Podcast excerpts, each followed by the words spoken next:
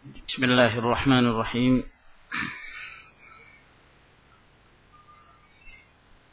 إن الحمد لله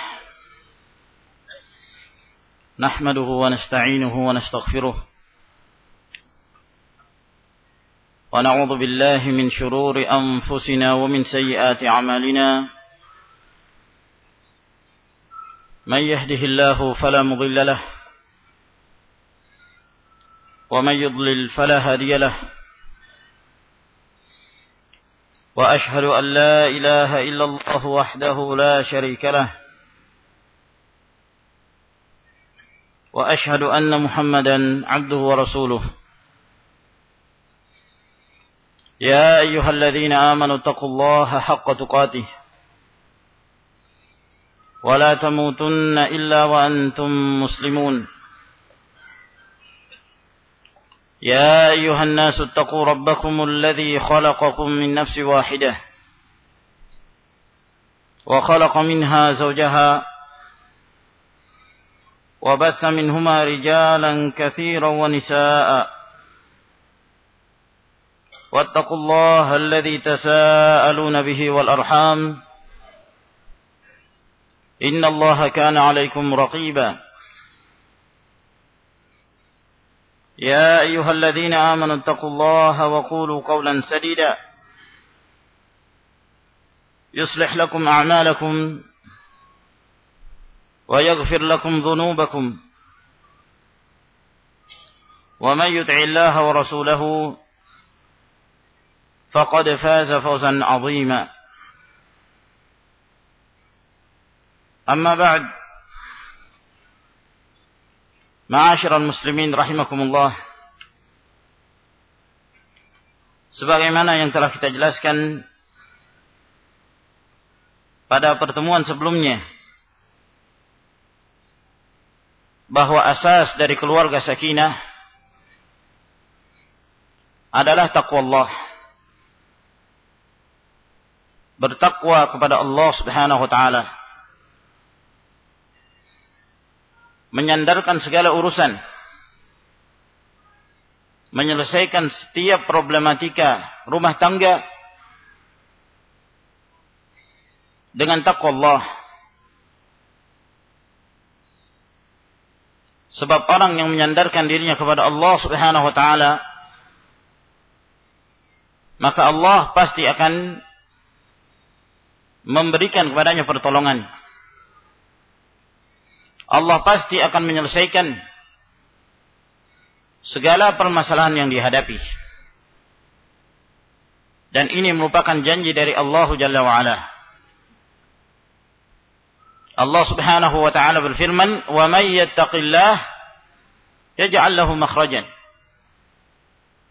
وَيَرْزُقْهُ مِنْ حَيْثُ لَا يَحْتَسِبُ Dan barang siapa yang bertakwa kepada Allah maka Allah akan memberikan jalan keluar baginya. Dan Allah Subhanahu wa taala akan memberikan rezeki kepadanya. Dari arah yang dia sendiri tidak menyangka.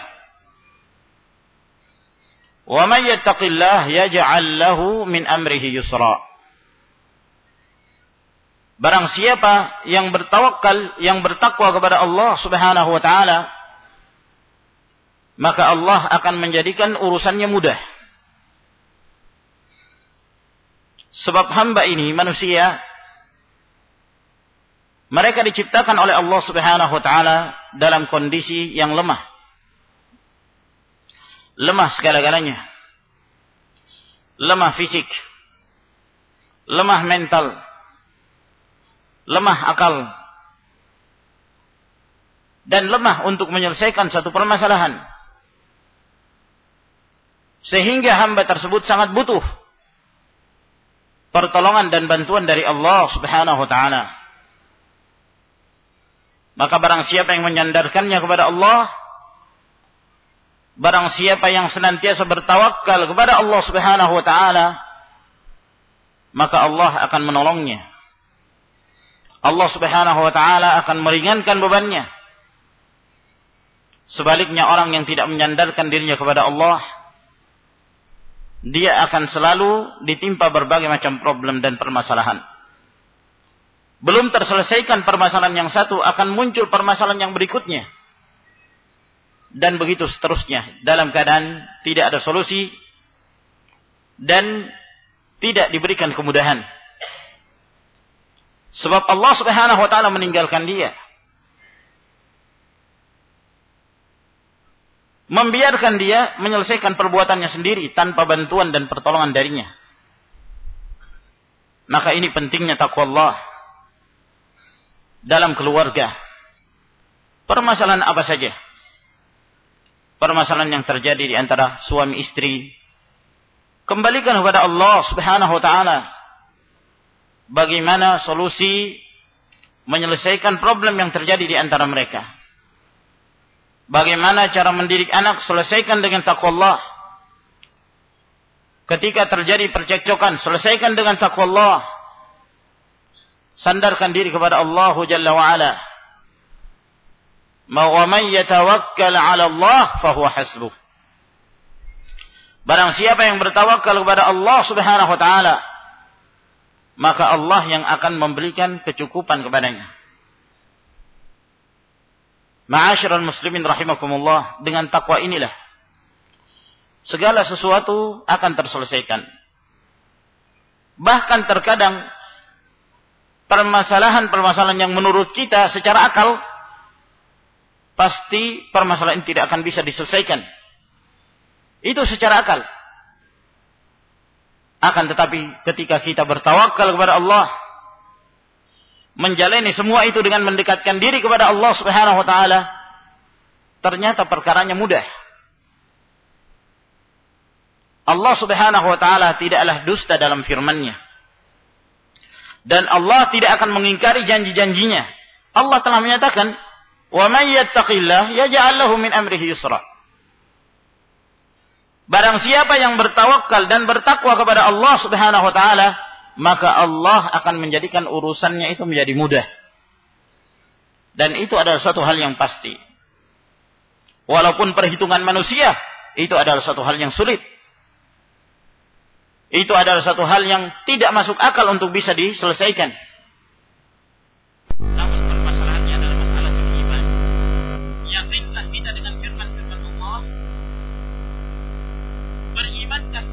Apa yang telah disebutkan oleh Allah Subhanahu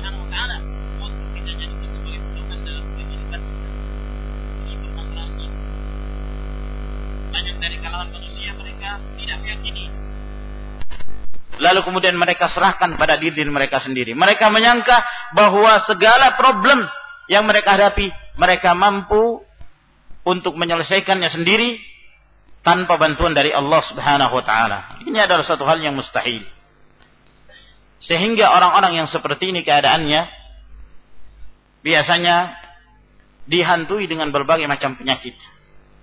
Penyakit stres lah, ya, penyakit kebingungan lah, dan bahkan mungkin di antara mereka ada yang sampai kepada tingkatan gila wali'adzubillah, bahkan ada yang sampai kepada tingkatan bunuh diri. Karena merasa tidak bisa menyelesaikan, pada awalnya dia menyangka bahwa dia mampu menyerahkan pada dirinya sendiri tanpa bantuan dari Allah Subhanahu wa taala. Tapi bagi orang yang mukmin dan mukminah yang yakin dengan ayat-ayat Allah Subhanahu wa taala maka dia serahkan itu semua kepada Allah. Allah pasti akan memberikan rezeki kepada hambanya dari arah yang dia tidak sangka. Allah pasti akan memberikan solusi dan jalan keluar dari segala macam permasalahan yang dihadapi disebutkan oleh Imam Al-Bukhari rahimahullahu taala dalam sahihnya ketika Rasulullah sallallahu alaihi wasallam menjelaskan tentang kisah Nabiullah Ibrahim alaihi salam. Tatkala Ibrahim alaihi salam hendak mengantar istrinya yang kedua Hajar alaihi salam bersama dengan anaknya yang tercinta Ismail yang pada waktu itu masih kecil, masih bayi. Ibrahim alaihissalam pun melakukan perjalanan yang sangat jauh sekali. Dari negeri Syam menuju ke Al-Ka'bah yang nantinya akan menjadi Ka'bah tentu waktu itu belum ada. Yang nantinya akan menjadi haram yang pada waktu itu tentunya belum ada.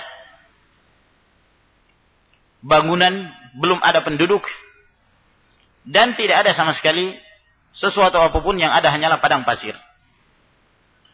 Berangkatlah Ibrahim bersama istrinya Hajar. Bersama dengan anaknya Ismail melakukan perjalanan yang luar biasa melelahkan. Padang pasir. Lalu kemudian sampailah mereka ke tempat yang telah ditetapkan oleh Allah Subhanahu wa taala. Yang itu adalah merupakan buq'atun mubarakah. Yang nantinya di situ adalah Al-Ka'batu Baitullah Al-Haram. Pada waktu itu keadaannya masih tandus. Tidak ada sesuatu apa pun, tidak ada penduduk. Sampai di tempat itu, maka Ibrahim alaihissalam menurunkan istrinya dan anaknya. Anaknya yang masih menyusui. Dan diberikan perbekalan satu keranjang kurma. Dan beberapa air yang digunakan untuk minum. Lalu kemudian tidak berapa lama Kemudian Ibrahim Khalilullah alaihi salam pun hendak meninggalkan mereka. Ini menyebabkan Hajar alaihi salam kaget pada waktu itu. Bagaimana mungkin? Mereka ditinggalkan di tempat yang gersang, padang pasir. Tidak ada makanan, tidak ada minuman. Bahkan tidak ada penduduk sama sekali hanya mengandalkan perbekalan satu keranjang kurma. Apa cukup?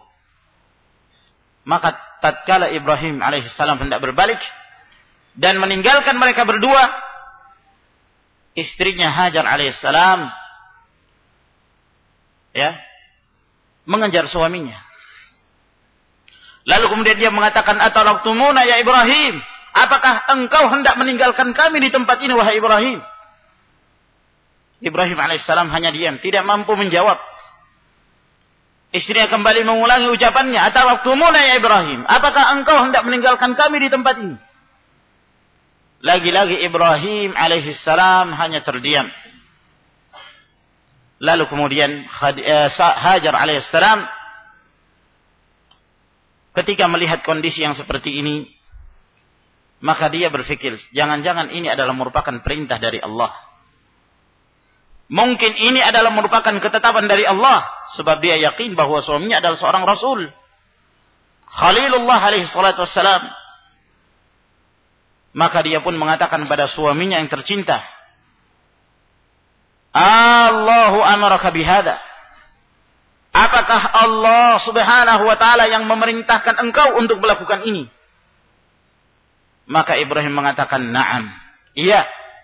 Ini adalah perintah Allah maka di saat itulah seorang istri yang salihah ini Hajar alaihissalam menampakkan dirinya sebagai seorang mukminah, sebagai seorang yang yakin akan janji Allah Subhanahu wa taala. Maka beliau pun mengatakan idzan la yudayyi'un Allah. Kalau demikian keadaannya, pasti Allah tidak akan menelantarkan kami. Permasalahannya masalah iman. Bayangkan kalau ditinggalkan orang tidak punya keimanan. Dia berpikir secara akalnya. Maka mungkin dia akan mengumpat Ibrahim alaihissalam. Ya. Maka mungkin dia akan menuduh dengan berbagai macam tuduhan.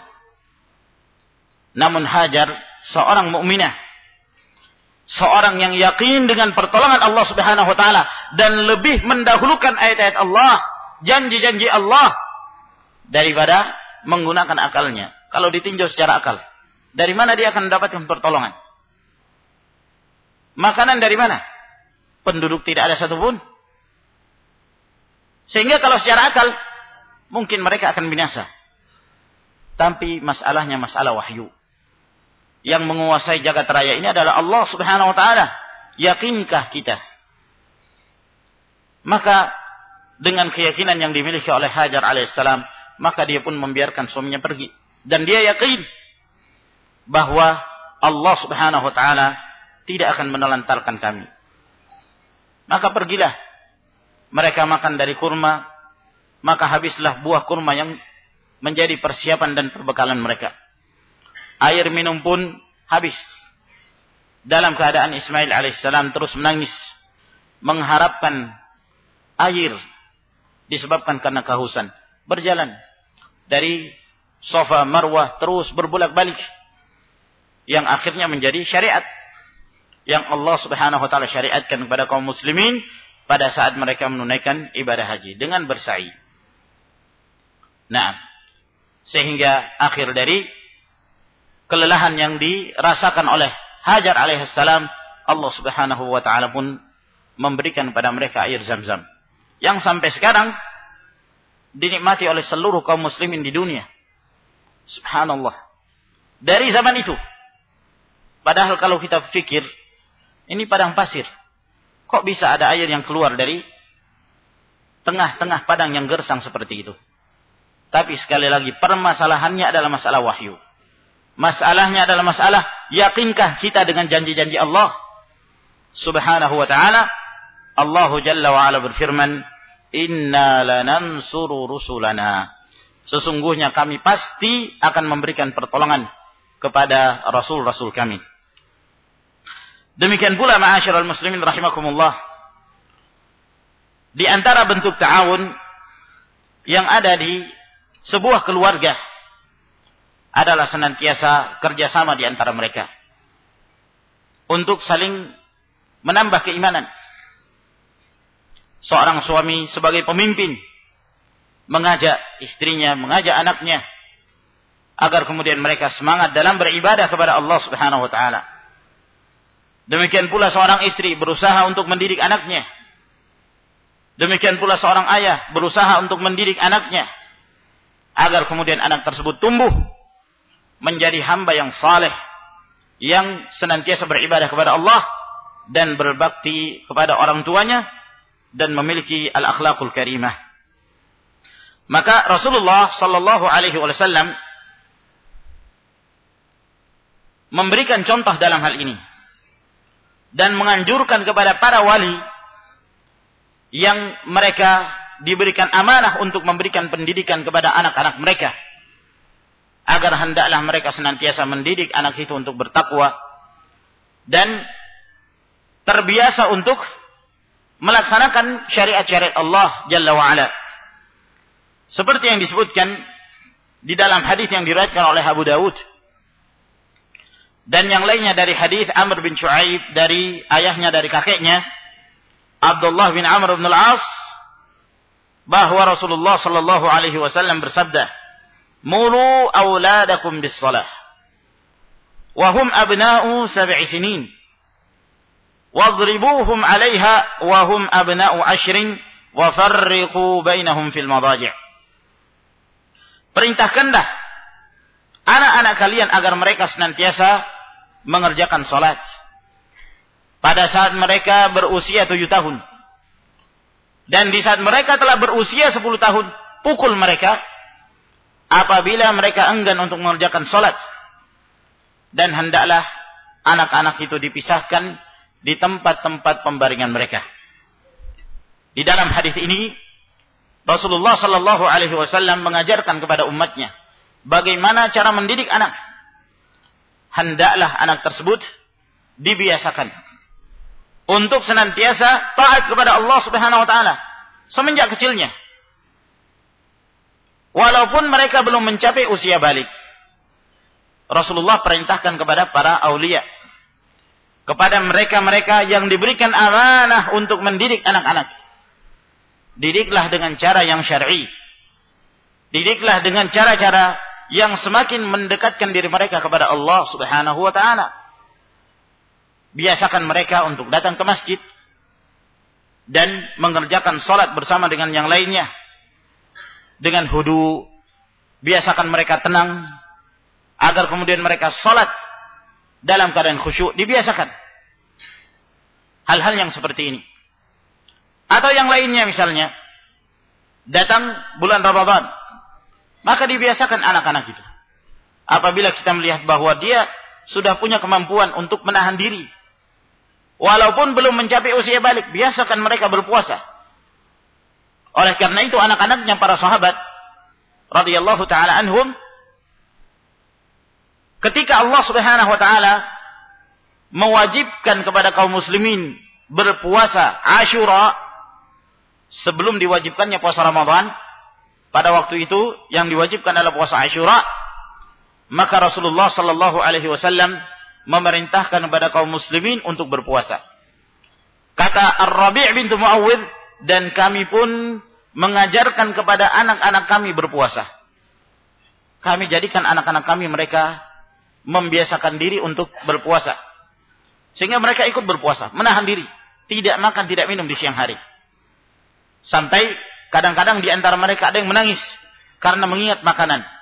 Maka mereka berusaha untuk mencari sesuatu yang menyebabkan mereka lupa dengan makanan mereka. Akhirnya diberikan mainan-mainan yang menyebabkan mereka senang bermain dengan permainan-permainan tersebut sehingga mereka lupa dengan rasa lapar yang mereka rasakan hingga mendekati waktu berbuka puasa.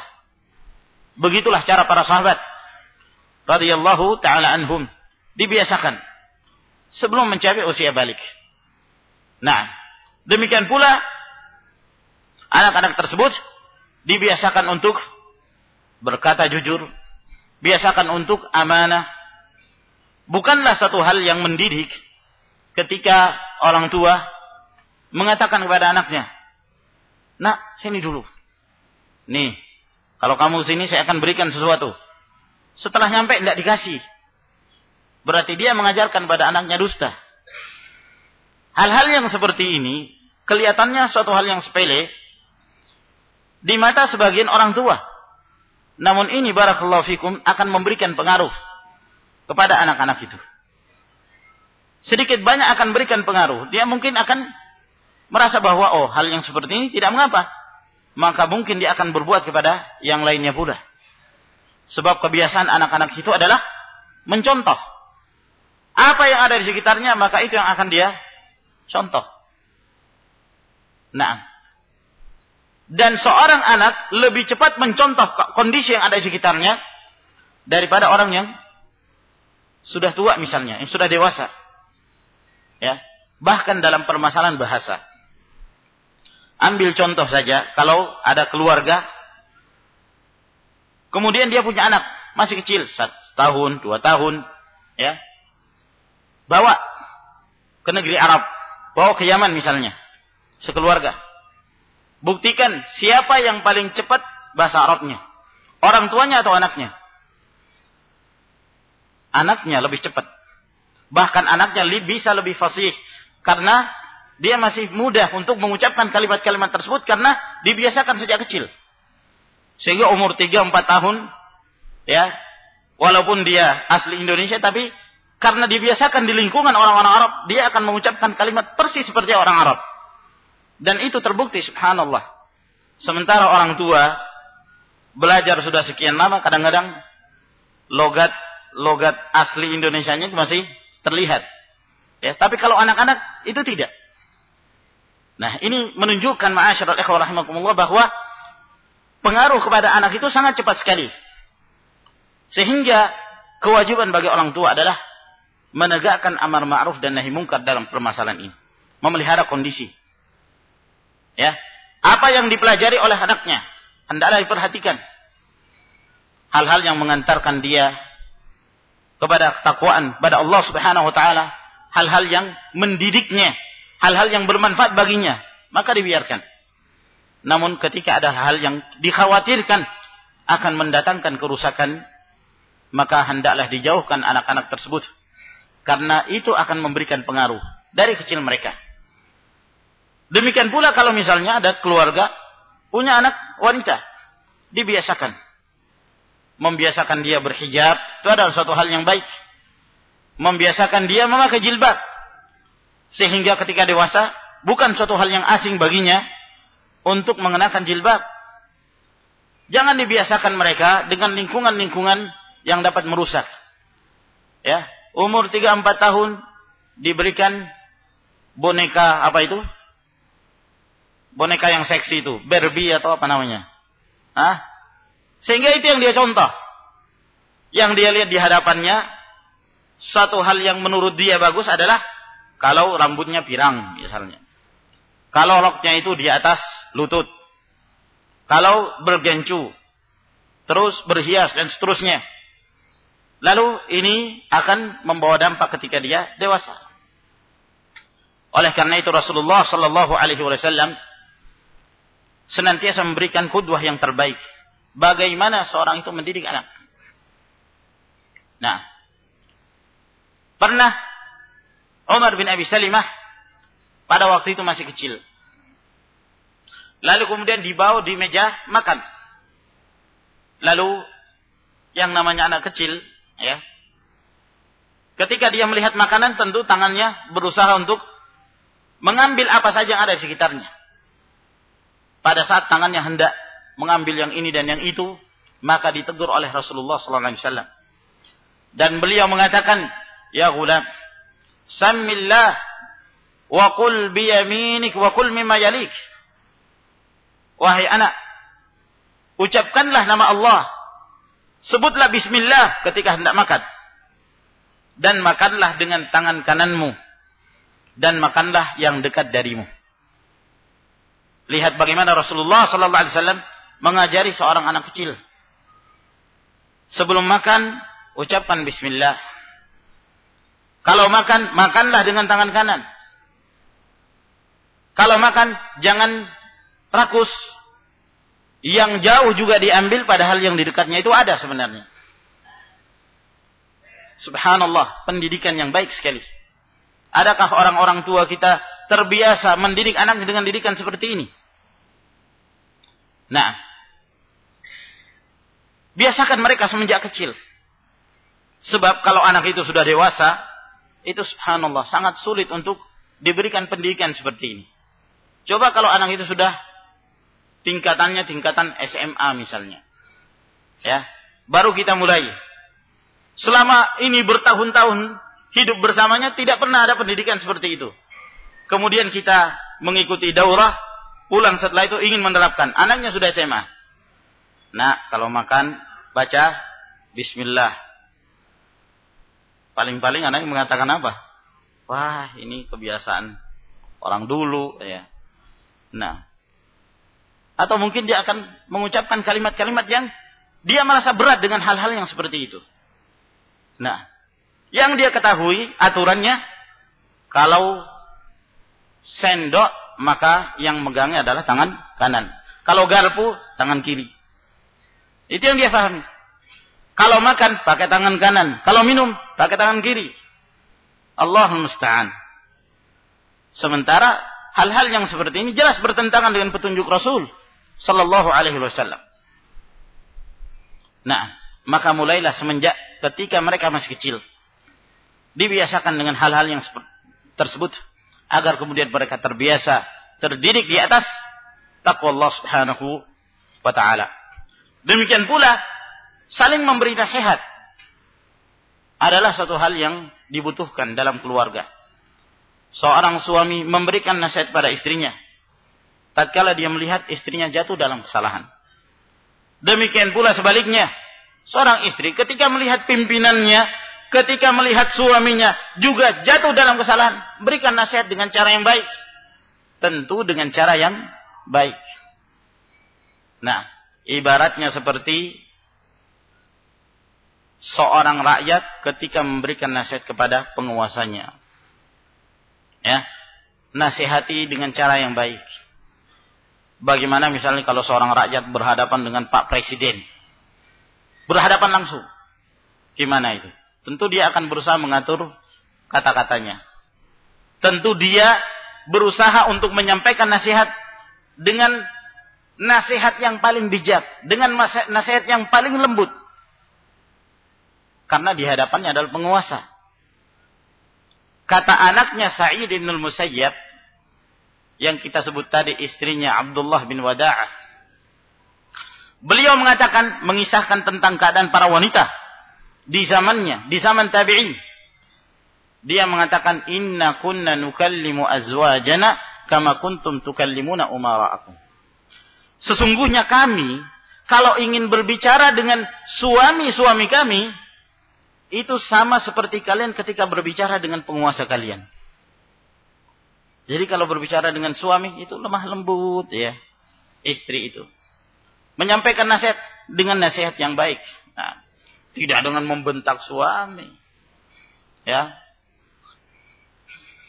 Apalagi di antara istri ada yang sampai berani untuk berkelahi dengan suami, memukul suami. Suaminya nggak mampu berbuat apa-apa. Ya. Ada yang seperti ini. Yang perempuannya seperti laki-laki, pimpinan rumah tangga, suaminya kondisinya seperti wanita. Ya. Tela dipukul. Sampai babak belur suaminya. Kesian. Iya, betul. Sampai babak belur. Sampai biru-biru. Ya. Ketemu orang tanya, kenapa kok sampai babak belur? Enggak jatuh dari... nah, biasa, luka biasa. Nah, Ya mungkin dari satu sisi karena sayangnya dia kepada istrinya. Ya, tapi dari satu sisi yang lain, seorang istri membiarkan suaminya dan melakukan hal-hal yang seperti ini kepada suaminya, pantaskah itu? Allahul musta'an. Ingin berikan nasihat, nasihati dengan cara yang baik. Demikian pula anak kita, nasihati mereka dengan cara yang syar'i. Di dalam hadis yang diriwayatkan oleh Abu Dawud dalam sunannya dari hadis Aisyah radhiyallahu taala anha. Pernah satu ketika Aisyah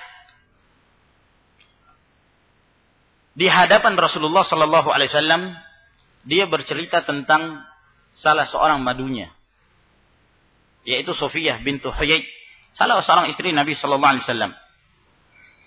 Lalu kemudian Aisyah yang mungkin karena sifat kecemburuan beliau sehingga dia terjatuh dalam kesalahan. Menghibah Sofiyah bintu Huyai radhiyallahu taala anha. Dia mengatakan hasbuka ya Rasulullah min Sofiyah kada wa kada. Cukuplah bagimu ya Rasulullah. Sofiyah itu begini dan begini. Sebagian perawi menjelaskan bahwa Aisyah pada waktu itu sedang menjelaskan bahwa Sofiyah itu orangnya pendek. Ya. Ya ini pendek artinya kamu nggak perlu terlalu condong padanya. Ini kecemburuan Aisyah. Nah, dia hanya mengucapkan kalimat ini saja. Dia hanya melakukan ghibah kepada Sofia. Dan itu bukanlah kebiasaan Aisyah radhiyallahu taala Hanya disebabkan karena kecemburuan beliau. Maka mendengarkan itu apa kata Rasulullah sallallahu alaihi wasallam? Beliau mengatakan, "Ya Aisyah, Laqad qulti kalimatan law muzijat bima'il bahri lama sajadku. Wahai Aisyah, engkau sudah mengucapkan satu kalimat. Yang kalau kalimat ini ada baunya, lalu kemudian disebarkan ke lautan, niscaya laut itu akan tercemar. Kalaulah kalimat itu ada baunya, ya, lalu kemudian baunya tersebut dilemparkan ke lautan, seluruh lautan itu akan tercemar menunjukkan besarnya dampak dari perbuatan ghibah tersebut. Padahal Aisyah hanya mengucapkan kalimat ini. Aisyah hanya mengucapkan kalimat Sofia hasbuka minha kada wa kada. Sofia itu seperti ini dan ini. yakni bahwa dia itu seorang wanita pendek. Nah, dia telah terjatuh dalam ghibah. Maka Rasulullah sallallahu alaihi wasallam pada saat itu pula memberikan nasihat kepada Aisyah bahwa ini bukan kalimat yang ringan, ini kalimat yang besar di sisi Allah Subhanahu wa taala. Kalaulah kalimat ini ada baunya, lemparkan ke lautan. Seluruh air laut itu akan ternodai.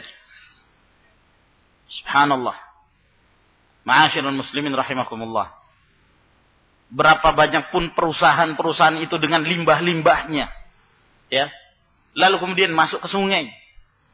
Tidak akan tercemari seluruh lautan, iya kan? Lumpur lapindo saja memberikan pengaruh pada seluruh lautan? Tidak. Ya. Minyak-minyak yang jatuh di Kuwait sana, ya. Ketika terjadi perang Teluk, menyebabkan air laut itu berwarna hitam. Binatang-binatang laut itu mati. Tapi para nelayan di Indonesia juga mereka masih asyik nangkap ikan.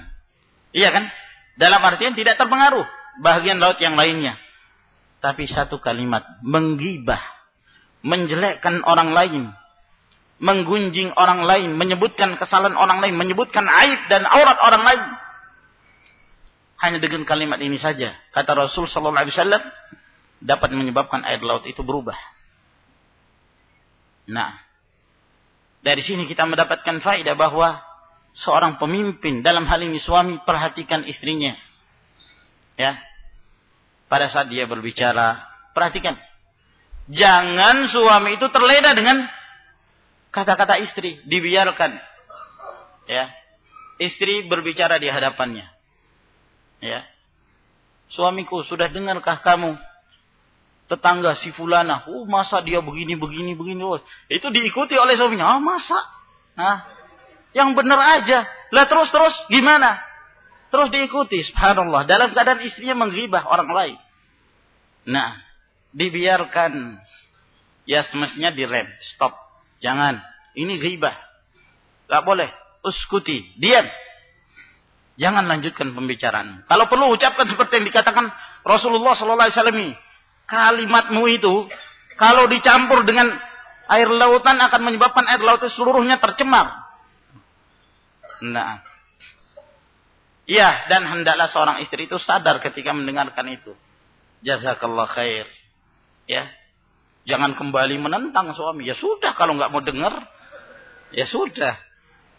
Nah, Kadang-kadang seperti ini, subhanallah. Ya.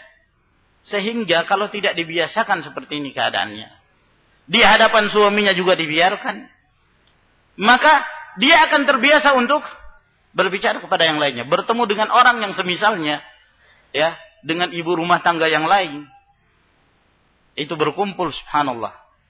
Ya, itu bisa mengumpulkan sekian berita yang bisa diliput di RCTI atau di SCTV. Nah, Allahul musta'an. Kenapa? Disebabkan karena tidak ada terbiah. Disebabkan karena tidak ada nasihat. Perlu diberikan nasihat. Ya. Kita kan yakin bahwa kita ini manusia. Manusia penuh dengan berbagai macam kekurangan. Sehingga butuh ada yang berusaha menyelamatkan kita dari kekurangan itu. Suami juga ada kekurangannya. Istri juga ada kekurangannya maka merupakan suatu hal yang akan menyempurnakan kehidupan mereka sehingga ketika di antara mereka ada yang saling menasihati. Ad-dinun nasihat. Agama itu dibangun di atas nasihat. Maka nasihat yang seperti ini, ma'asyiral muslimin rahimakumullah, sangat penting sekali untuk kita, kita biasakan di rumah. Ya. Suami menasihati istri, istri juga demikian kepada suaminya. Lalu kemudian mereka memberikan nasihat itu kepada anak-anaknya.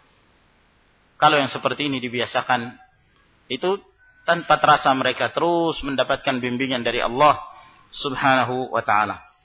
Kemudian ma'asyiral muslimin rahimakumullah. Satu hal juga yang perlu diperhatikan dalam rumah tangga. Bahwa masing-masing dari suami dan istri ada hak-hak yang harus ditunaikan. Ada kewajiban suami yang dia harus menunaikannya untuk istrinya.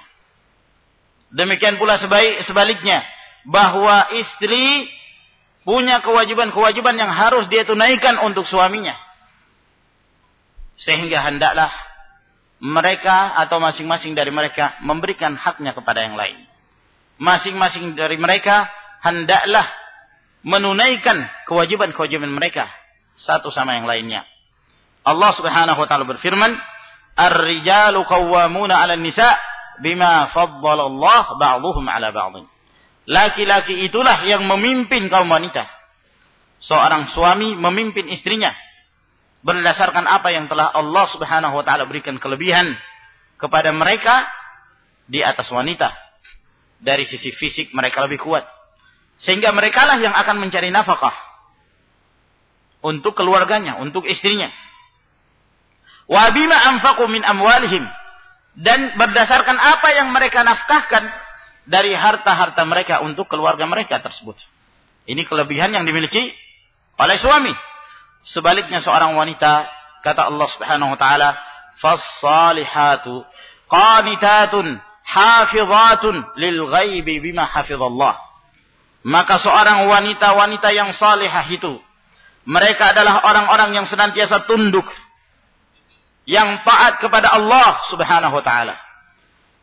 Yang tunduk kepada suaminya selama bukan dalam perkara kemaksiatan yang memelihara kehormatan suami dan memelihara harta suaminya ketika suaminya itu pergi. Maka masing-masing mempunyai hak yang harus ditunaikan. Oleh karena itu, haknya seorang istri yang harus dijalankan oleh suami adalah seorang suami berkewajiban untuk memenuhi kebutuhan keluarganya. Memenuhi kebutuhan istrinya, kebutuhan anak-anaknya. Dengan memberikan nafkah kepada mereka. Dan tidak diperbolehkan bagi seorang pimpinan keluarga membiarkan mereka itu terlantar membiarkan mereka dalam keadaan tidak diberikan nafkah. Di dalam hadis yang diriwayatkan oleh Abu Dawud, An-Nasa'i, Al-Imam Al-Hakim dari hadis Abdullah bin Amr radhiyallahu taala anhuma kata Nabi sallallahu alaihi wa ala alihi wasallam kafa bil mar'i ithman ay yudayya man yaqut cukuplah seseorang itu berdosa ketika dia menelantarkan orang yang wajib dia nafkahi dalam riwayat yang lain kafa bil mar'i ithman ay yudayya man ya'ul. Cukuplah seseorang itu berdosa ketika dia menelantarkan dan tidak memperhatikan pada orang yang wajib untuk dia nafkahkan. Demikian pula kewajiban seorang suami adalah berbuat baik kepada keluarganya. Berlemah lembut kepada mereka. Menyikapi mereka dengan cara yang baik Dan seorang muslim yang terbaik adalah orang yang paling baik dalam menyikapi keluarganya.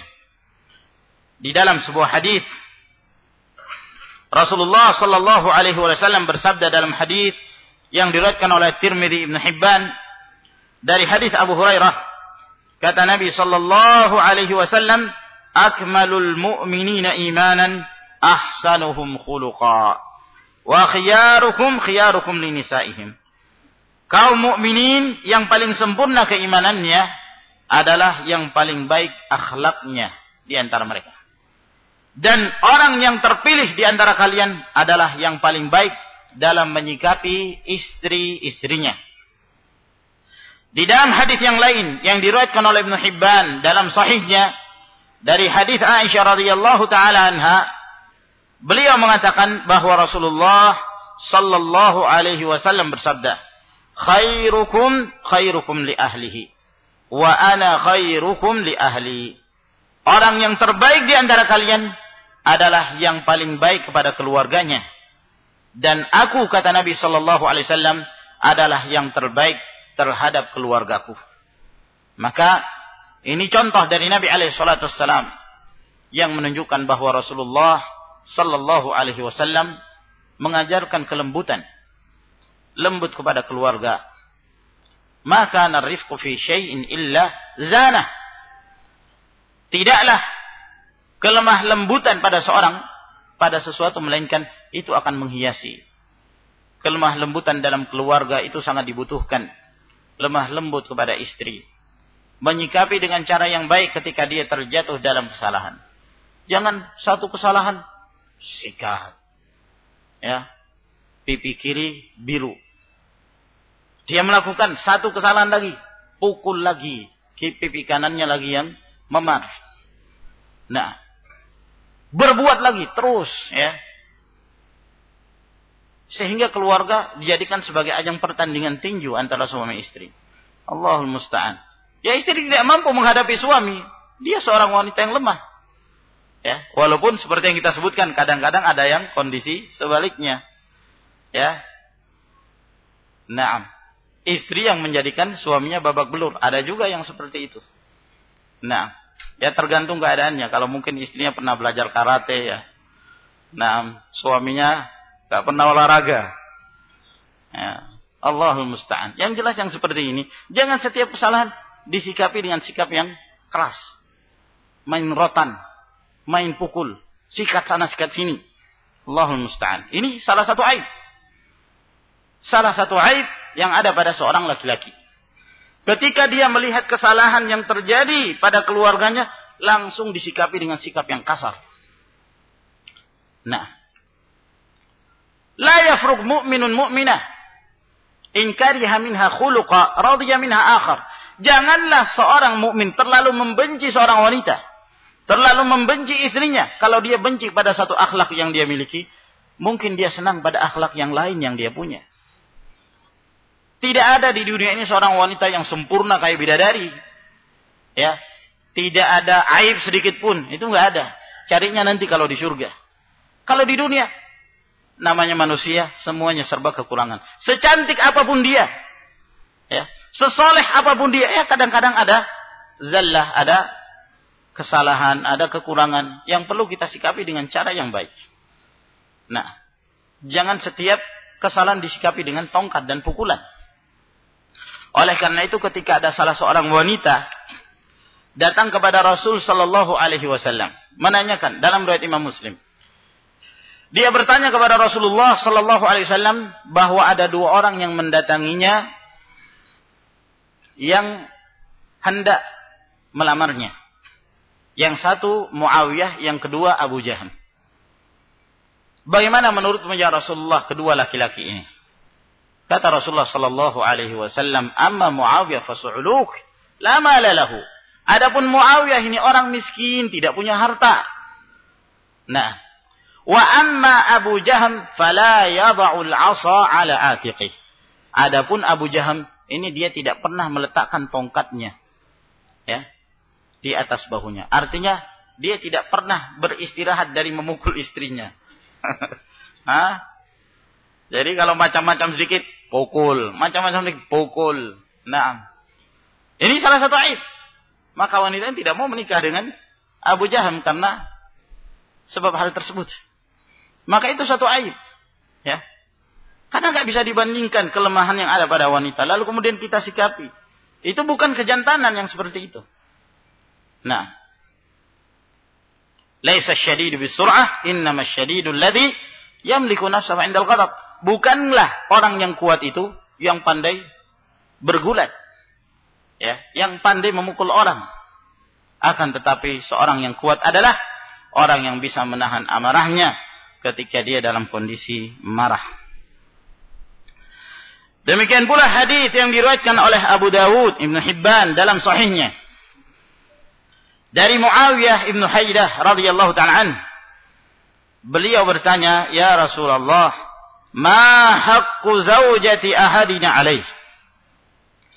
Wahai Rasulullah, apakah hak seorang istri yang wajib ditunaikan oleh seorang suami?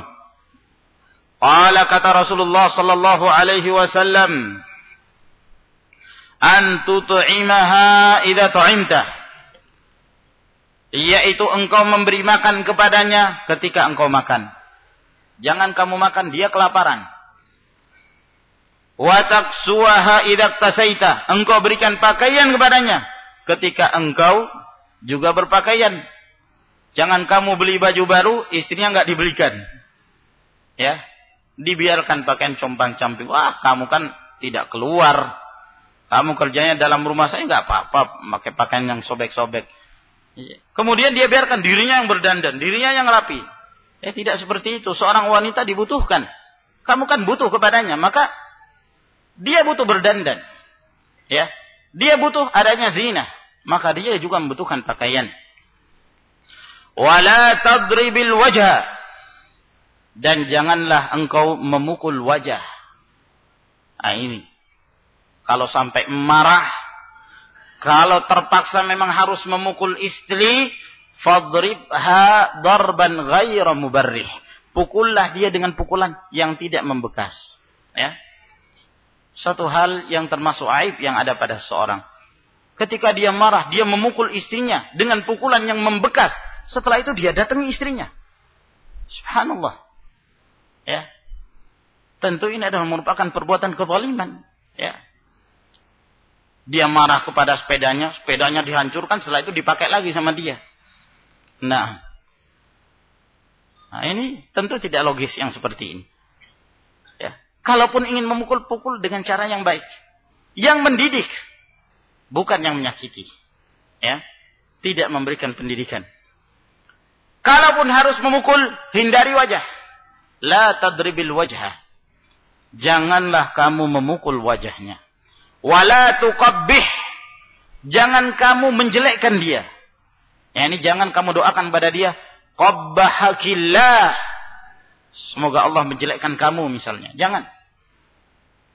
Wala tahjur illa fil bait. Dan janganlah engkau menghajar dia ketika dia berbuat kesalahan kecuali di rumah.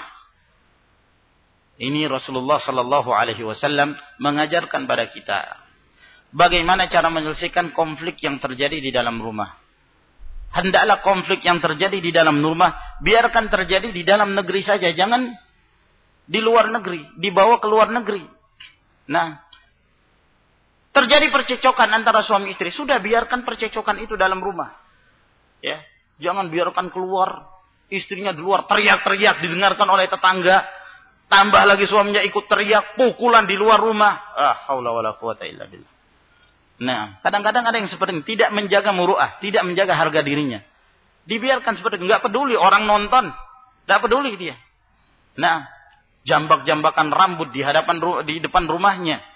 Ya, tetangganya pada keluar, ada apa ini? Ada apa ini?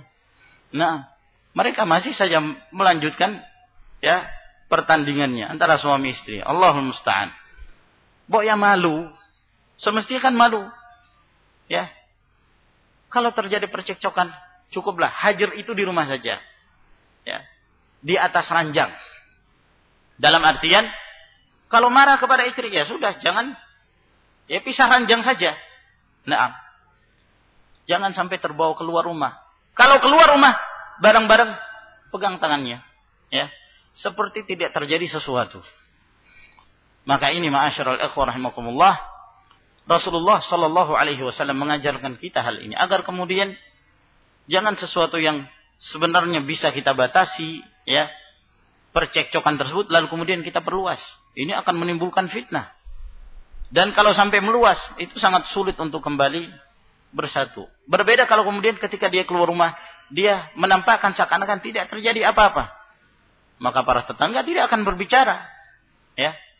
Para tetangga tidak akan menggunjingnya. Nah, karena ketika mereka mendengarkan khabar bahwa mereka cekcok misalnya. Ketika keluar bareng seperti tidak terjadi permasalahan, maka mereka pun diam. Wah, ini nggak benar, ini cuma kabar burung saja. Nah, dan itu akan mempercepat ya kembali ya kerukunan di antara mereka berdua dan kembali menjadi harmonis seperti sedia kala. Demikian pula di dalam hadis dari Amr bin Ahwas Al-Hashami radhiyallahu taala anhu. Bahwa beliau mendengarkan Rasulullah sallallahu alaihi wasallam pada Hajjatul Wada' setelah beliau memuji Allah Subhanahu wa taala dan mengingatkan serta memberikan nasihat kemudian beliau mengatakan ala wastausu bin nisa'i khaira fa innama hunna awanin 'indakum laysa tamlikuna minhunna syai'an ghaira dhalik ketahuilah berikanlah wasiat yang baik kepada para wanita. Sesungguhnya wanita-wanita itu adalah tawanan-tawanan kalian. Kalian tidak memiliki sesuatu dari mereka kecuali itu. Bahwa mereka statusnya seperti tawanan. Seperti budak kalian sendiri. Illa ayyatina bifahishatin mubayyinah. Kecuali apabila istri-istri tersebut mendatangkan perbuatan keji yang jelas fa in fa'alna fahjuruhunna fil madaji' maka apabila mereka melakukan perbuatan keji maka tinggalkanlah mereka hajarlah mereka di tempat-tempat tidur ya ya ini pisah ranjang wadribuhunna darban ghaira mubarrih pukullah mereka dengan pukulan yang tidak menyebabkan cacat pada tubuhnya. Fa in ata'nakum fala tabghu 'alaihinna sabila. Apabila mereka telah taat kepada kalian, maka kalian jangan mencari cara-cara yang lain lagi untuk memukulnya. Kalian jangan lagi mencari cara-cara yang lain untuk tetap menyalahkan mereka. Ala inna lakum ala nisaikum haqqa wa li nisaikum alaikum haqqa ketahuilah sesungguhnya bagi kalian terhadap istri-istri kalian ada haknya. Demikian pula istri-istri kalian atas kalian juga mempunyai hak. Fahaqqukum alaihinna alla yuti'na furushakum man takrahun. Maka hak kalian yang harus ditunaikan oleh istri di mana istri tersebut tidak boleh membiarkan orang-orang duduk di atas ranjang-ranjang kalian atau tidur di atas tempat-tempat tidur kalian orang yang kalian benci. Ya, membiarkan tidur di atas tempat tidurnya ataukah tempat khusus yang dimiliki suami. Wala ya'zan fi buyutikum liman takrahun dan jangan wanita itu mengizinkan untuk masuk ke dalam rumah kalian apabila suami kalian membenci untuk membiarkan orang itu masuk. Ya. Kalau misalnya ada seseorang Seseorang ini misalnya dari kerabat istrinya. Akan tetapi suami mengetahui. Kalau orang ini masuk ke tempatnya mungkin dia akan melakukan hal-hal yang menyebabkan kejelekan pada keluarga. Mungkin dia suka menggibah, mungkin dia suka ngomong. Maka kewajiban bagi suami untuk menolak kemungkaran yang terjadi di rumahnya. Maka dia berhak. Ya, ketika suaminya pergi misalnya dia memesankan pada istrinya. Si fulan tidak boleh masuk ke tempat ini. Kalau dia datang, jangan dibukakan pintu. Maka wajib bagi seorang istri untuk tidak membiarkan dia masuk. Walaupun saudaranya sendiri. Walaupun kerabatnya sendiri. Ya, sebab yang berkuasa di situ adalah suami. Maka suami berhak untuk membiarkan siapa yang masuk dan melarang siapa yang hendak masuk dalamnya. Nah, dalam batas-batas syariah. Ala wa haqquhunna alaikum an tuhsinu ilaihinna fi kiswatihinna wa ta'amihinna. Dan ketahuilah haknya para istri terhadap kalian wahai para suami di mana kalian wajib untuk berbuat baik kepada istri-istri kalian dalam pakaian mereka demikian pula dalam hal makanan mereka. Maka ini berkenan tentang hak uh, yang harus ditunaikan oleh seorang suami kepada istrinya. Adapun berkenan tentang hak seorang suami yang harus dijalankan oleh istrinya. Yang paling pertama adalah ketaatan. Dan ini yang sangat penting sekali. Apabila seorang istri mengakui kedudukannya sebagai istri. Dan mengakui suaminya sebagai pemimpin rumah tangga. Maka kewajiban dia adalah taat. Taat kepada suaminya. Selama bukan dalam perkara-perkara kemaksiatan kepada Allah Subhanahu wa taala. Di dalam hadis yang diriwayatkan oleh Ibnu Hibban dari hadis Abi Hurairah radhiyallahu taala anhu kata Nabi sallallahu alaihi wasallam "Idza shallatil mar'atu khamsaha wa ahsanat farjaha wa shamat shahraha wa ata'at ba'laha dakhalatil jannata min ayyi abwabil jannati at-thamaniyati sya'at." Kata Rasulullah Sallallahu Alaihi Wasallam, apabila seorang wanita telah mengerjakan sholat lima waktu dan dia telah berpuasa di bulan Ramadan dan dia telah memelihara kemaluannya dan dia senantiasa taat kepada suaminya, maka pada hari kiamat nanti dia boleh memasuki surga dari delapan pintu yang mana saja yang dia kehendaki. Maka hadis ini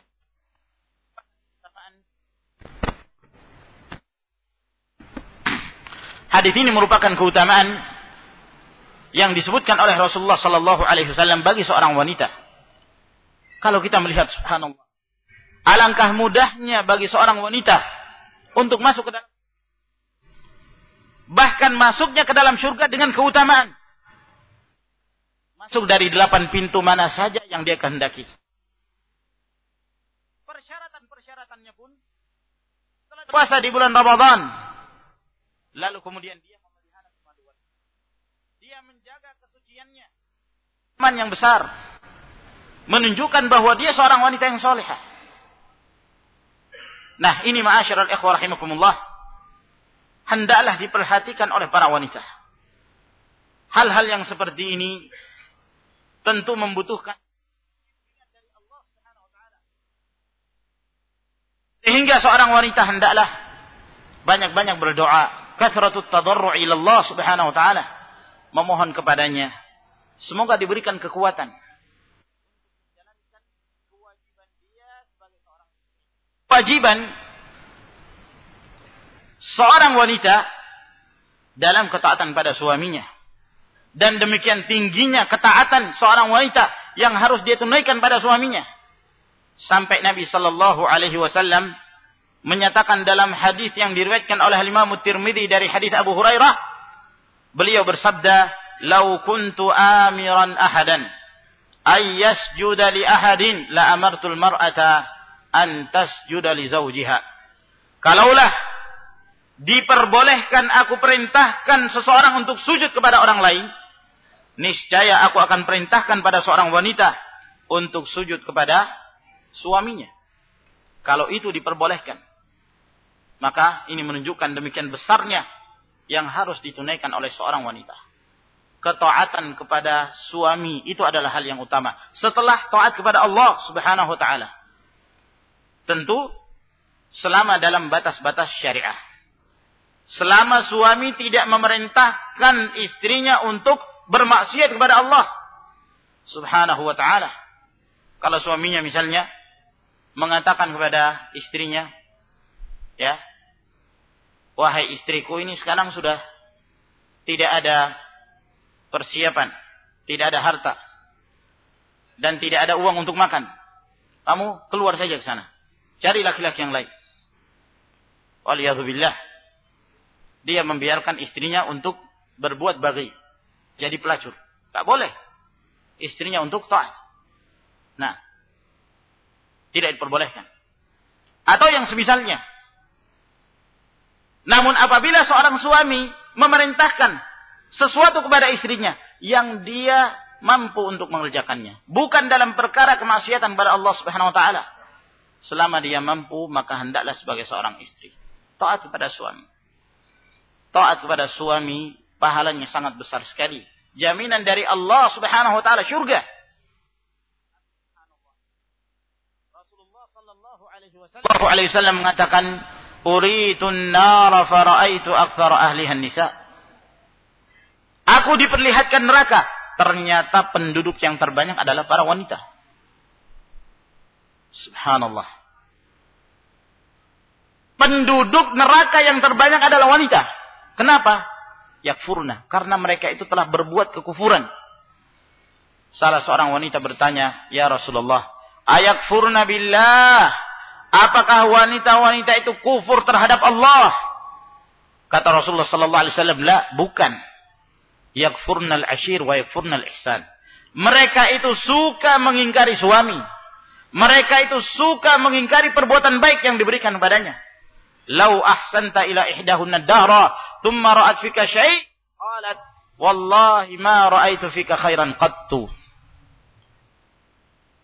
Kalaulah engkau berbuat baik kepadanya, sepanjang tahun terus kebaikan-kebaikan yang kamu berikan. Kemudian ada satu kesalahan yang kamu kerjakan. Maka wanita yang menampakkan ketidaksyukurannya kepada kebaikan itu, dia akan mengatakan, Demi Allah, saya tidak pernah melihat kebaikan padamu sedikit pun. Padahal sepanjang tahun suaminya telah berbuat kebaikan. Ini bentuk ingkar pada kebaikan suami. Ya. Bentuk ingkar kepada keengganan dia untuk taat kepada suaminya maka ini waliyadzubillah menjadi ciri-ciri yang disebutkan oleh Nabi wasallam ciri-ciri ahlun nar. Ciri-ciri penduduk neraka. Wanita yang suka ingkar. Ya. Meladeni istri uh, meladeni suaminya untuk bertengkar. Nah meladeni suaminya untuk berbicara dengan suara yang keras. Suami angkat bicara dia ikut lebih angkat bicara lagi Suami mengangkat lagi suara, ditambah lagi, lebih keras lagi suara istrinya. Ya. Sampai para tetangga semuanya mendengarkan suara itu. Allahul Musta'an. Semestinya ketika suami itu mulai naik pitam, sebagai seorang istri, dia merendahkan dirinya. Tenangkan dulu. Diam itu lebih baik. Ya. Dibiarkan. Ini menunjukkan bahwa suami dalam posisi sedang darah tinggi ya Nah, maka dibiarkan seperti itu. Kenapa? Karena kalau sang istri juga ikut-ikutan ya, dan memposisikan dirinya seperti lawannya, maka yang terjadi adalah yang lebih dari itu. Mungkin pemukulan akan terjadi. Mungkin waliyadzubillah lebih dari itu. Maka yang seperti ini masyarakat ikhwah rahimakumullah hendaklah seorang wanita memperhatikan hal itu. Di dalam hadis yang diriwayatkan oleh Imam Al-Hakim dari hadis Abu Hurairah radhiyallahu taala pernah ada seorang wanita datang kepada Rasul sallallahu alaihi wasallam. Lalu dia mengatakan, "Ya Rasulullah, saya adalah fulanah bintu fulan." Kata Rasulullah, "Saya sudah mengenal kamu. Qad araftuki." Apa kebutuhan kamu datang ke sini? Kata wanita ini, kebutuhanku berkenaan tentang anak pamanku, yakni sepupunya dia. Si fulan yang dikenal sebagai ahli ibadah. Kata Rasul sallallahu alaihi wasallam, aku pun sudah mengenalnya. Ada apa? Wanita ini mengatakan, yaktubuni. Bahwa anak pamanku itu datang padaku dan melamarku. Ingin menikah denganku. Fa'akhbirni kalau begitu kabarkan kepadaku wahai Rasulullah. Ma haqquz zawji 'ala zawjah. Fa in kana syai'an utiquhu tazawwajtuh wa illam utiq la tazawwaj. Maka kabarkan kepadaku wahai Rasulullah, apakah hak seorang suami yang harus ditunaikan oleh istrinya? Kalau memang itu sesuatu yang aku mampu untuk melakukan, saya akan nikah. Tapi kalau sesuatu itu aku tidak mampu melakukannya, saya tidak akan menikah. Lalu Rasulullah sallallahu alaihi wasallam menjelaskan, "Min haqqi zawji 'ala zawjah allau salat min kharahu daman wa qayhan wa sadida falahisathu bilisaniha ma addat haqqah." Lau kana yanbaghi li basharin an yasjuda li basharin la amartul mar'ata an tasjuda li zawjiha idza dakhala 'alaiha lima faddalahu Allahu 'alaiha. Kata Nabi sallallahu alaihi wasallam di antara hak seorang suami yang harus ditunaikan oleh istrinya bahwa apabila dari kedua lubang hidung suaminya itu mengalirkan darah dan mengalirkan nanah lalu kemudian sang istri menjilatnya dengan lisannya, maka istri belum menunaikan haknya kepada suaminya. Subhanallah. Ya. Dia belum menunaikan haknya kepada suami. Sampai seperti itu. Kalaulah sepantasnya ada seorang manusia boleh sujud kepada manusia yang lainnya, aku akan perintahkan kepada seorang wanita untuk sujud kepada suaminya ketika suaminya masuk rumah. Jadi kalau masuk rumah, kalau sekiranya boleh sujud, sujud itu si istri. Bayangkan. Karena apa yang telah Allah Subhanahu wa taala utamakan seorang suami di atas istrinya. Mendengarkan itu wanita ini mengatakan, "Walladzi ba'atsaka bil haqq la atazawwaju ma baqitu fid dunya." Demi Allah yang telah mengutusmu dengan kebenaran. Saya tidak akan menikah selama aku hidup di dunia ini. Nah. Ya. Dari sini dijadikan dalil oleh sebagian para ulama bahwa bagi seorang wanita tidak wajib hukumnya menikah. Nah. Tidak wajib. Padahal yang datang melamarnya ini seorang fulan al-abid, ahli ibadah yang menunjukkan kesolehannya. Ditolak oleh wanita ini. Kenapa? Ngeri melihat hak yang harus ditunaikan oleh seorang istri kepada suaminya. Subhanallah. Kalau keluar nana dijilat oleh istri itu belum selesai. Ya. Dia belum menunaikan haknya.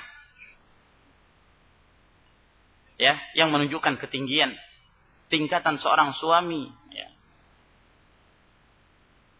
Dari sini menjelaskan bagi kita bahwa seorang istri itu hendaklah merendahkan diri di hadapan suaminya.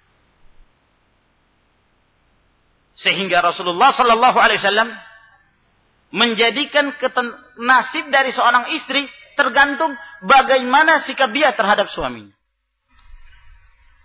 Kalau dia baik, maka itu tanda-tanda surga yang akan dia dapatkan. Kalau dia jelek di hadapan suaminya, maka tanda-tanda neraka. Makanya wanita yang mengatakan, kalau begitu saya nggak mau nikah. Selama saya hidup, saya tidak akan menikah. Ya terserah dia. Nah, Di dalam hadis yang diriwayatkan oleh Imam An-Nasa'i dalam Sunan Kubra dan Al-Baihaqi dari Husain bin Mihsan yang memberitakan padanya adalah bibinya bahwa bibinya ini pernah datang kepada Rasulullah sallallahu alaihi wasallam dalam satu kebutuhan. Lalu kemudian Rasulullah bertanya kepadanya, "Adzatu zaujin anti?" Apakah kamu sudah punya suami?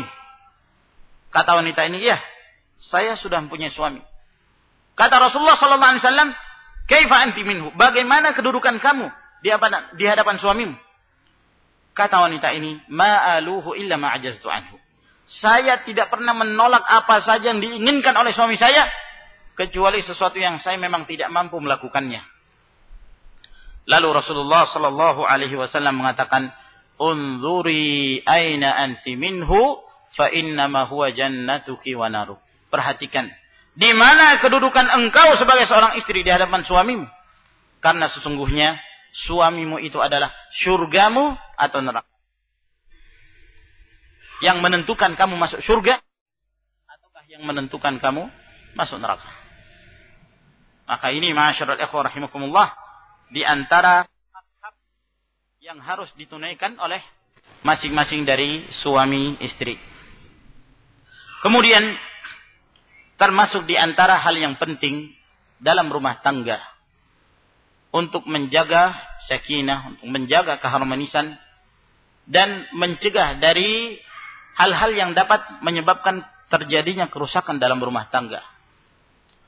Di mana seorang pemimpin dalam hal ini suami hendaklah menjadi seorang yang betul-betul menjalankan kepemimpinannya. Karena dia sebagai seorang pemimpin, dia harus melihat kemaslahatan yang ada pada keluarganya, kemudian dia berikan dan menjauhkan diri dari segala bentuk-bentuk kerusakan. Ibaratnya seperti seorang penguasa, penguasa negeri. Penguasa negeri yang baik adalah memperhatikan kemaslahatan rakyat. Dia melihat kondisi rakyatnya.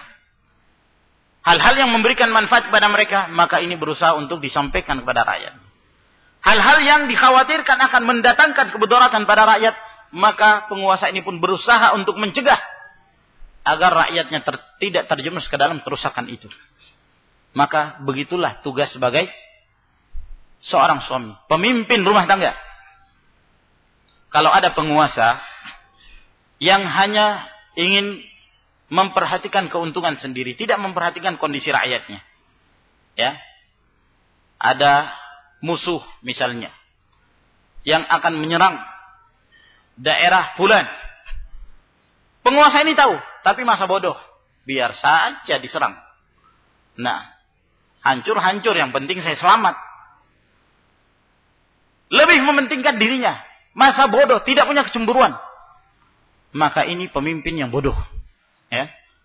Ini pemimpin yang zalim, yang tidak menjalankan status dia sebagai seorang pemimpin. Maka demikian pula sebagai seorang suami. Dia punya tanggung jawab yang besar. Mendatangkan kemaslahatan pada keluarga dan menghindari dari segala bentuk hal-hal yang dapat merusak keadaan keluarga itu. Maka dia harus memelihara istrinya. Dia harus memelihara anak-anaknya. Agar tidak terjatuh dalam perkara-perkara yang diharamkan. Kalau dia masa bodoh terhadap rakyatnya, terhadap istrinya, terhadap anak-anaknya, apa saja yang dilakukan istrinya terserah. Ya, masa bodoh. Mau keluar ke mana kayak mau dijemput siapa pun terserah. Ini yang menjadikan kehancuran pada keluarga. Dan ini yang menyebabkan seorang suami itu disebut dengan dayuth.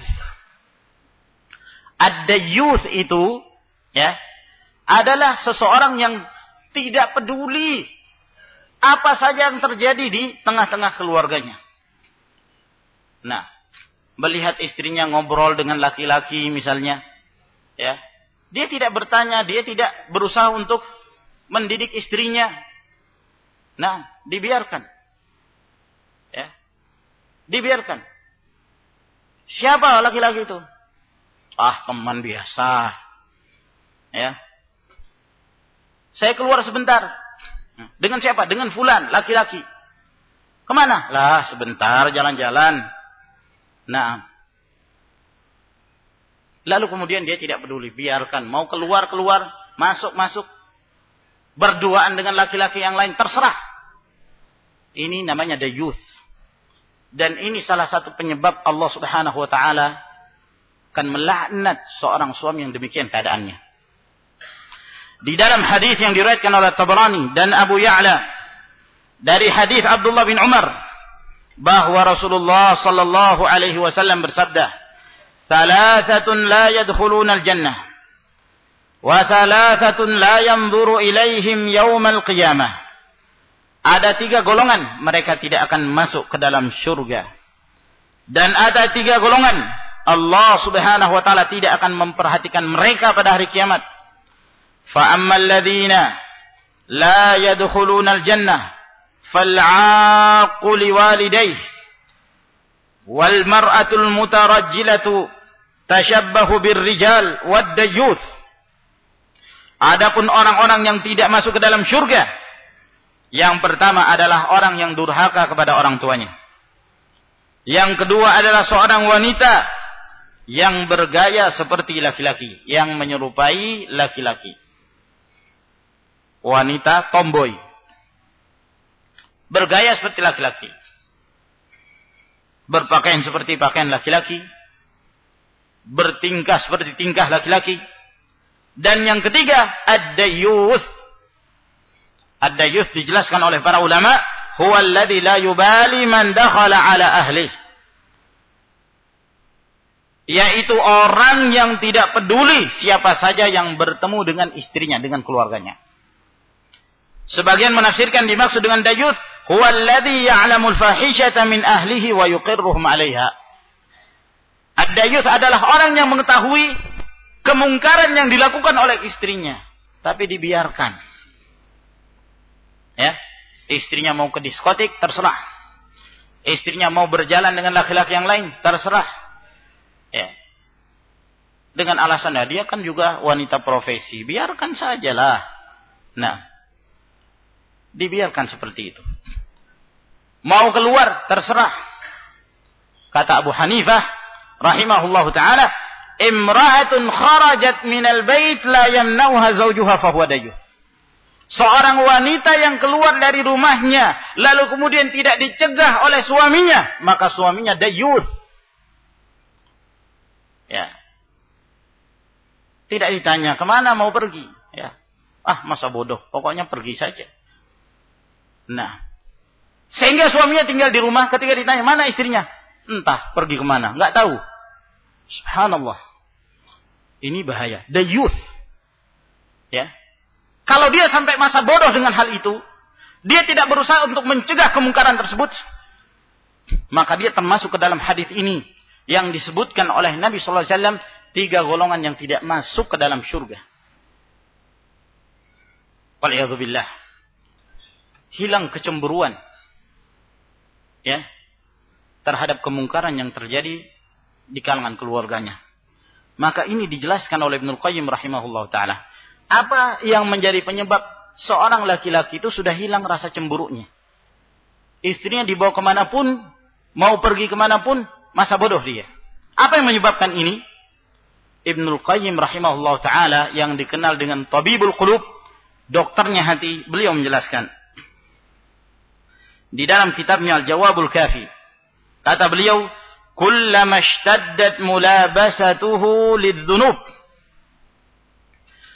ukhrijat min qalbihi al-ghayratu ala nafsihi wa ahlihi wa umumin nas wa umum nas wa qad tad'ufu fil qalbi jiddan setiap ya semakin kuatnya hati itu dipenuhi dengan perbuatan dosa-dosa ya maka akan dikeluarkan pula dari hatinya perasaan cemburu pada dirinya terhadap keluarganya dan terhadap umuman manusia yang lain.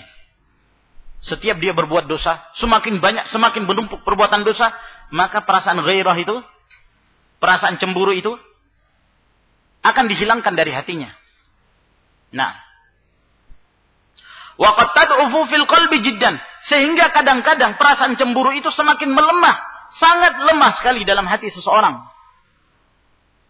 Sangat lemah.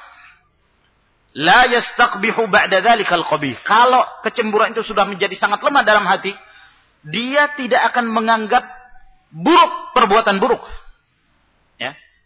Keburukan itu terjadi, dia tidak menganggap bahwa itu keburukan. La min nafsihi wala min ghairi. Tidak pada dirinya, tidak pula pada yang lainnya.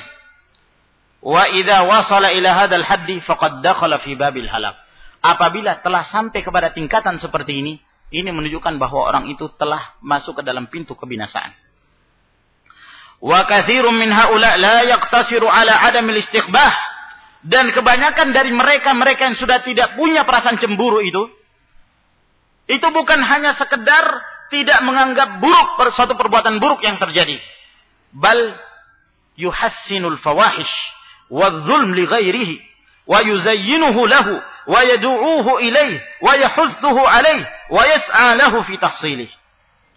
Bahkan dia akan menganggap baik perbuatan fahisyah itu. Menjadi suatu hal yang lumrah, bahkan suatu kebaikan.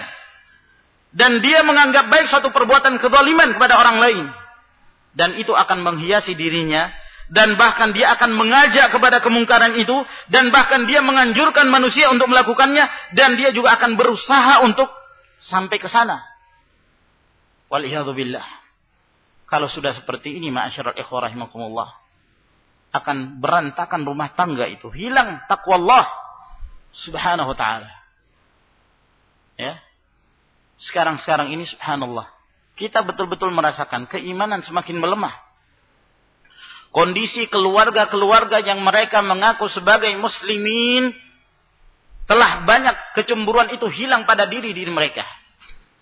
Ya, dilihat istrinya pergi dengan seorang laki-laki dibiarkan. Ya. Istrinya keluar di malam hari dibiarkan. Istrinya keluar tanpa hijab dibiarkan. Dibiarkan kemungkaran terjadi di kalangan keluarganya. Anaknya kalau anaknya itu perempuan didatangi oleh laki-laki. Dia sengaja pindah. Sebentar saya ke belakang sebentar. Dibiarkan berduaan. Subhanallah. Ya. Dengan alasan ya beginilah cara berkenalan anak muda sekarang. Nah, sehingga dibiarkan laki-laki itu hendak berbuat apa saja kepada anaknya. Makanya banyak sekarang anak-anak wanita, kasihan. Sebelum memasuki jenjang pernikahan, mereka sudah dalam kondisi tidak perawan. Alhamdulillah. Dan ini kenyataan. Ya. Kalau dahulu ini adalah suatu hal yang sangat aib sekali di mata masyarakat. Ya, kalau orang-orang tua kita dulu bercerita, seorang wanita keluar masih malu, ya. Apalagi kalau orang-orang kampung itu, kalau keluar masih pakai sarung. Sarung ditutup di atas kepalanya. Masih malu untuk menampakkan bagian atasnya. Nah, tapi sekarang atas, bawah, tengah semuanya terlihat. Ya. Allahul musta'an. Pakaiannya kekecilan. Nah, Apakah karena harga BBM naik? Sehingga harga pakaian juga ikut naik? Ternyata bukan. Harta mereka banyak. Untuk beli pakaian sangat cukup. Tapi kenapa pakaiannya pakai pakaian anak umur lima tahun? Kenapa? Allahul Musta'an. Hilang kecemburuan. Dan senang sekali orang tua yang melihat anaknya berpakaian seperti itu. Ya. Yang perutnya kelihatan itu. Bokongnya juga kelihatan. Lihat billah. Dibiarkan. Bahkan berbangga dia. Ditanya muslim, muslim. Nah, istrinya tidak berhijab, anak-anak tidak berhijab, pergaulannya bebas. Allahul musta'an. Kalau seperti ini keadaannya, sang suami sebagai pemimpin rumah tangga masa bodoh, the youth. Ya. The youth. Lalu kata Ibn Qayyim rahimahullah, "Walihada oleh karena itu, kanat dayuthu akhbatha khalqillah wal jannatu alaihi haram." Oleh karena itu, ad-dayuth itu adalah makhluk yang paling buruk di mata Allah Subhanahu wa taala. Dan surga atasnya adalah haram. Wa kadzalika muhallilu dzulm wal baghi li ghairihi wa muzayyinuhu li ghairihi. Demikian pula orang-orang yang menganggap menghalalkan perbuatan kezaliman terhadap yang lainnya dan menganggap baik terhadap yang lainnya. Fanzur man ladzi hamalat alaihi qillatul ghairah maka perhatikanlah apa yang menyebabkan semakin mengecilnya perasaan cemburu yang ada pada dirinya. Wahada yadulluka maka ini menjelaskan kepadamu ala anna al-asla fi anna anna asla din al-ghijrah. Bahwa prinsip utama di dalam agama ini adalah rasa kecemburuan.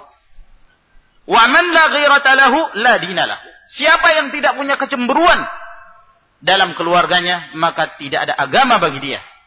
Fal ghiratu tahmil qalbah, fatahmilahu al-jawarih, fatadfa'u su wal fawahish. Maka dengan adanya kecemburuan tersebut, yang akan menjaga hati seseorang memelihara anggota tubuhnya dan akan menolak segala keburukan-keburukan wa adamul ghirati tumitul qulub fatamutul jawarih fala yabqa indaha daf'un albattah maka orang yang sudah tidak punya perasaan cemburu akan mematikan hatinya. Sehingga jawarihnya anggota tubuhnya pun menjadi mati. Maka dia tidak punya kemampuan lagi untuk menolak suatu kemungkaran yang terjadi. Wa mithlul ghirati fil qalb mithlul quwwah allati tadfa'ul marad wa tuqawimuhu. Fa idza dhahabatil quwwah wujida da'al mahal qabilan wa lam yajid dafi'a fatamakkana fakana al halak. Kata beliau, permisalan kecemburuan yang ada pada diri seseorang itu sama seperti kekuatan tubuh yang terdapat pada diri seseorang yang dengannya dia mampu menolak berbagai macam jenis penyakit. Kenapa? Karena kondisi tubuhnya kuat. Ya, vitamin-vitamin energi yang dia masukkan ke dalam tubuhnya itu bagus sehingga menyeimbangkan tubuhnya, menormalkan tubuhnya sehingga penyakit itu tertolak. Namun apabila kekuatan itu telah hilang, kekurangan vitamin, energi hilang, ya, maka muncullah penyakit. Yang kemudian penyakit tersebut menempati tempatnya sehingga dia sudah tidak punya lagi penangkalnya, maka di situlah akan terjadi kehancuran. Demikian pula kecemburuan. Kecemburuan itu ibaratnya seperti kekuatan. Ya. Stamina pada diri seseorang Ketika telah hilang kekuatan itu, sudah tidak ada kecemburuan, maka dia tidak peduli kemungkaran yang terjadi di kalangan keluarganya. Istrinya melakukan kemungkaran terserah. Ya. Apalagi kalau memang suaminya juga menganggap bahwa yang demikian itu baik. Sehingga istrinya keluar selingkuh. Suaminya juga selingkuh juga di luar. Jadi dia bukan hanya tidak peduli dengan kondisi keluarganya. Bahkan dia pun melakukan perbuatan fahisyah itu. Dan menganggap baik. Inilah yang disebutkan oleh beliau. Orang-orang yang sudah tidak punya ghirah wal. Alangkah buruknya keluarga yang seperti ini. Masyarakat ikhwah rahimahumullah. Tidak peduli dengan kondisi keluarga. Tidak memberikan tarbiyah kepada mereka. Ya, tidak mengajarkan kepada mereka takwa Allah, tidak membiarkan mereka beribadah kepada Allah Subhanahu wa taala, membiarkan kemungkaran itu terjadi, maka ini adalah merupakan contoh keburukan pada sebuah keluarga yang tidak akan mungkin mendatangkan ketenangan ya pasti akan diakhiri dengan kehancuran wallahu musta'an kemudian juga di antara salah satu yang harus menjadi prinsip dalam sebuah keluarga adalah bersifat al-qanaah al-qanaah itu adalah merasa cukup merasa puas dengan apa saja yang Allah Subhanahu wa taala berikan berupa rezeki. Sedikit banyak dia merasa nikmat. Dia merasa nikmat dengan Islamnya, dia merasa nikmat dengan imannya, dia hidup dalam tumaknina, dalam ketenangan bersama dengan suaminya, bersama dengan anak-anaknya dalam keadaan mereka semangat saling bahu membahu untuk beribadah kepada Allah Subhanahu wa taala. Apa yang Allah berikan yang penting itu adalah berasal dari harta yang halal. Dia merasa cukup. ya, Merasa nikmat dengan apa yang ada. Mensyukuri apa yang telah dihasilkan oleh suaminya. Suaminya telah berusaha, itu yang dia dapatkan. Alhamdulillah. Tidak sepantasnya bagi seorang istri ya melihat suaminya misalnya penghasil yang kurang menggerutu. Nah, ini satu hal yang tidak dianjurkan. Oleh karena itu kita melihat bagaimana kehidupan Rasul sallallahu alaihi wasallam. Sang istri tidak pernah ya menegur Rasulullah sallallahu alaihi wasallam. Karena mungkin suatu ketika tidak ada makanan yang bisa dimakan di kalangan keluarganya. Istri-istri beliau tidak mengat pernah mengatakan kepada Rasul sallallahu alaihi wasallam, "Wahai Rasulullah, cobalah kamu cari nafkah sedikit." Ya. Ngapain kok dakwah terus setiap hari? Setiap hari ngajar terus. Setiap hari masuk masjid terus. Setiap hari bersama para sahabat memberikan nasihat. Kapan cari nafkahnya? Sahabat, para sahabat, para ummahatul mukminin tidak pernah mengucapkan kalimat-kalimat yang seperti ini. Rasulullah Shallallahu Alaihi Wasallam datang bertanya kepada istrinya ada makanan? Kata istrinya oh lagi nggak ada makanan ini. Oh kalau begitu saya berpuasa. Ya. Istrinya tidak mau cari makanan sana. Kan kamu yang bertugas cari nafkah. Nah ya sabar. Sabar menghadapi kondisi. Nah Allah Subhanahu wa taala yang akan memberikan kecukupan pada mereka apalagi Rasulullah alaihi salatu wassalam yang memiliki tugas yang sangat berat. Bukan berarti beliau tidak mampu, beliau sangat mampu. Ya. Nafakat, sedekah, ya. Dan tentunya keluarga Rasulullah sallallahu alaihi wasallam tidak diperbolehkan makan sedekah. Namun ada saja yang berikan kepada Rasulullah, pada keluarga beliau. Namun kalau tidak ada, alhamdulillah. Ya. Merasa cukup dengan apa yang ada. Kata Nabi sallallahu alaihi wasallam dalam riwayat Imam Muslim, dari hadis Abdullah bin Amr bin Al-As, "Qad aflaha man aslama wa ruziqa kafafan wa qanna'ahu Allah azza wa jalla bima atah."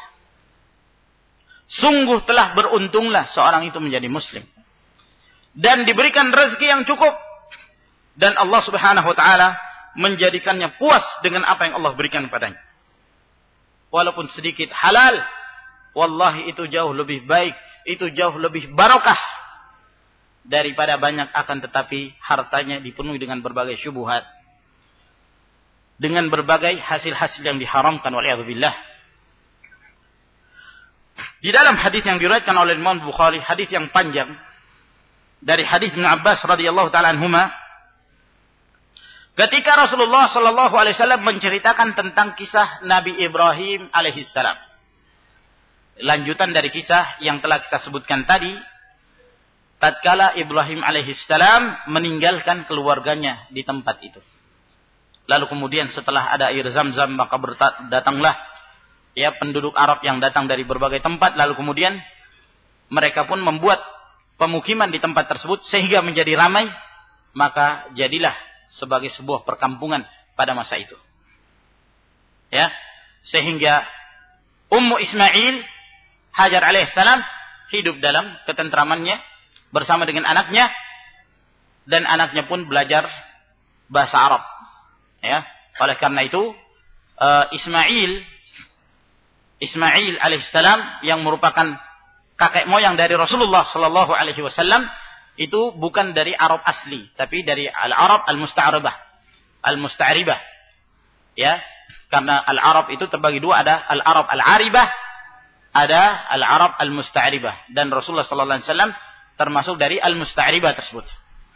Nah, ketika Ummu Ismail telah meninggal dan Ismail alaihissalam telah menguasai bahasa Arab pada waktu itu dan bahkan dia telah menikah, maka Ibrahim di masa tuanya sempat datang ke tempat anaknya itu, tempat Ismail.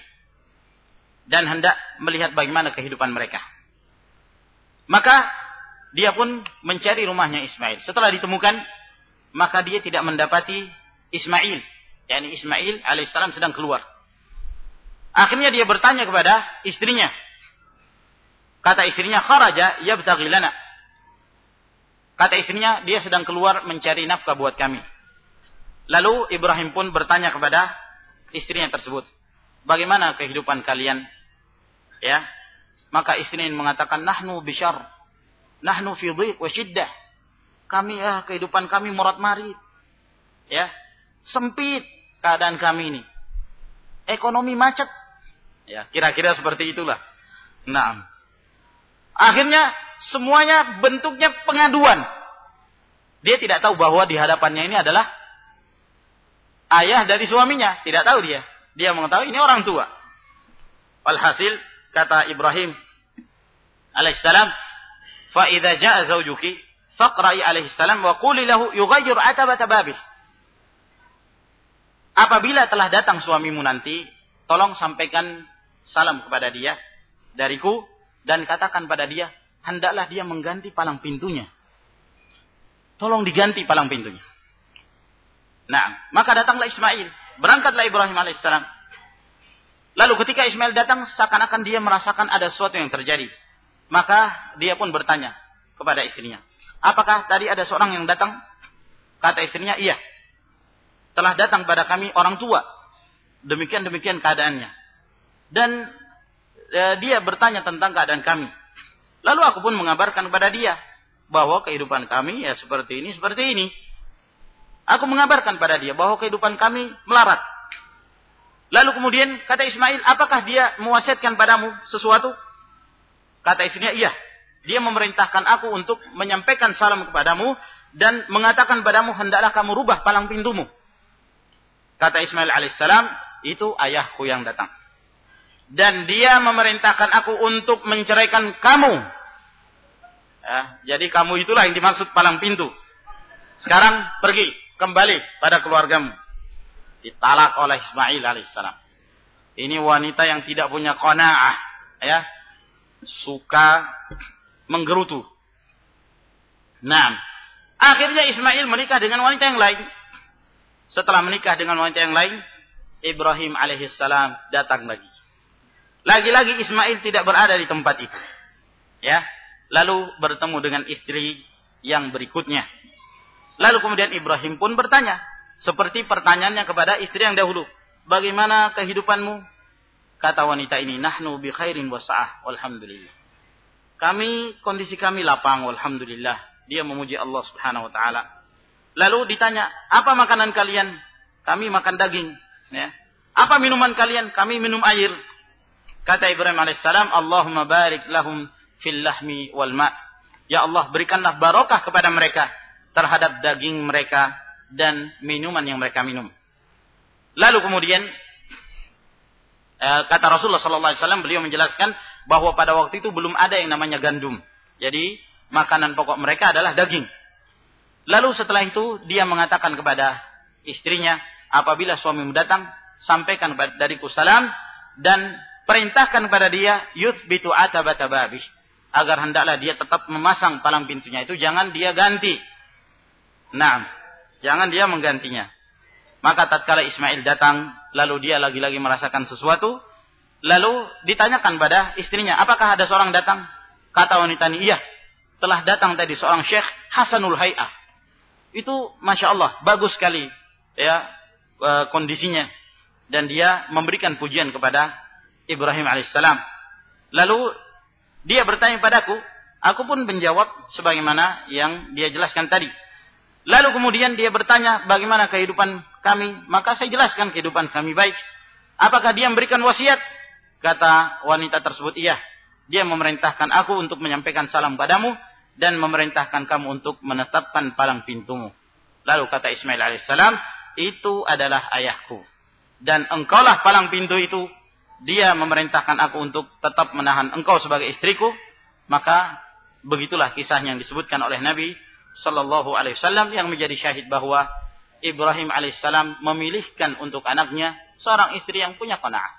Hidup ala kadarnya dalam keadaan mereka beribadah, bertakwa kepada Allah Subhanahu wa taala dan saya kira sampai di sini insyaallah masih tersisa satu pembahasan kita yaitu pembahasan menjauhkan diri atau menjauhkan dari segala hal-hal yang dapat merusak keluarga muslimah yang insyaallah taala akan kita bahas di pertemuan yang berikutnya. Wa akhiru da'wana alhamdulillahi rabbil alamin. Wassalamualaikum warahmatullahi wabarakatuh.